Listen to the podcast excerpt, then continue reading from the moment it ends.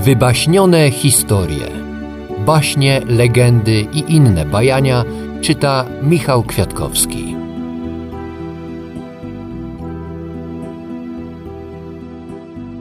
Bracia Grimm Siedmiu braci Kruków Pewien człowiek miał siedmiu synów, a ani jednej córeczki. Pragnął jej bardzo, to też ucieszył się wielce, gdy na świat przyszła. Była wątła i słabowita, tak że zaraz musiano ją ochrzcić w domu. Ojciec posłał jednego z synów co prędzej po wodę, a sześciu innych pobiegło za nim. Że zaś każdy chciał co prędzej nabrać wody, dzbanek wpadł w studnię. Stali, nie wiedząc co począć, a bali się wracać do domu. Ojca zniecierpliwiło wielce, że nie nadchodzą i zawołał. Pewnie znowu zapomnieli o wszystkim przy zabawie. Bał się, by dziecko nie zmarło bez chrztu, więc w złości krzyknął. Niechby się zamienili w kruki, nieznośni smarkacze.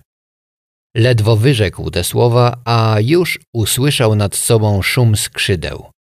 Spojrzał i zobaczył siedem czarnych jak węgiel kruków, odlatujących do lasu. Rodzice nie mogli już cofnąć zaklęcia i choć im było bardzo żal synów, pocieszali się jak mogli swą córeczką, która nabrała sił i co dnia stawała się piękniejszą. Przez długi czas nie wiedziała wcale, że miała rodzeństwo, bo rodzice nic jej o tym nie mówili. Ale pewnego dnia posłyszała, jak sąsiedzi rozmawiali, mówiąc, że jest wprawdzie piękna, ale ponosi właściwie winę nieszczęścia swych braci. Zasmuciła się wielce. Poszła do ojca i matki, pytając, czy naprawdę miała braci i co się z nimi stało. Rodzice nie mogli dłużej rzeczy ukrywać i przyznali się, dodając, że tak chciało przeznaczenie, a ona nic temu nie jest winna.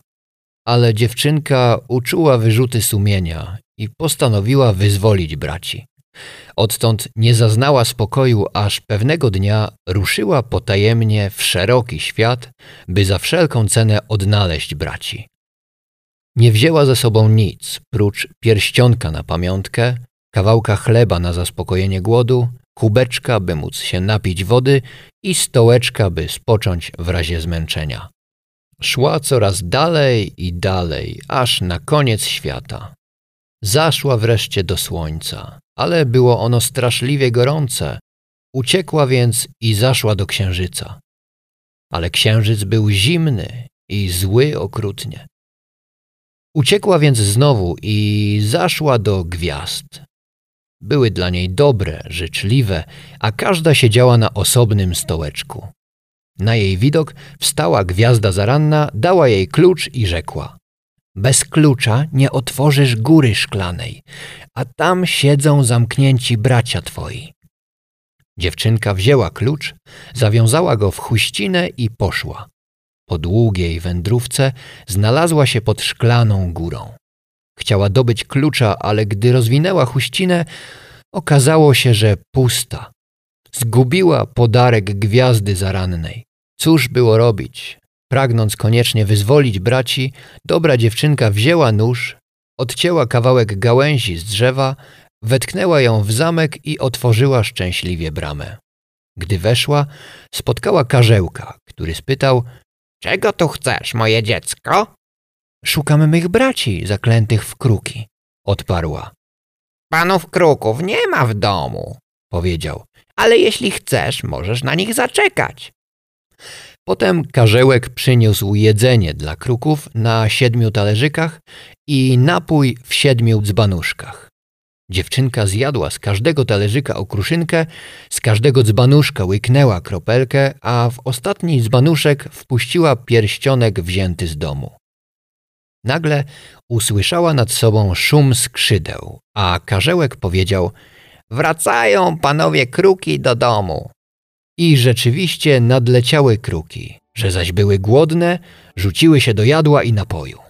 Zobaczywszy talerzyki i dzbanuszki swoje, zaczęły pytać jeden drugiego. Któż to jadł z mego talerzyka? Któż to pił z mego dzbanuszka? Poznaje, że dotykały ich usta człowieka. Gdy siódmy wypił napój, wytoczył się z dzbanuszka pierścionek. Poznał zaraz pierścionek rodzinny i zawołał: Dajże Boże, by to była siostrzyczka nasza. Ona ocaliłaby nas niezawodnie. Dziewczynka słuchała wszystkiego, stojąc za drzwiami. Teraz ukazała się i zaraz bracia odzyskali ludzką postać. Ucałowali się najczulej i ruszyli wesoło do domu.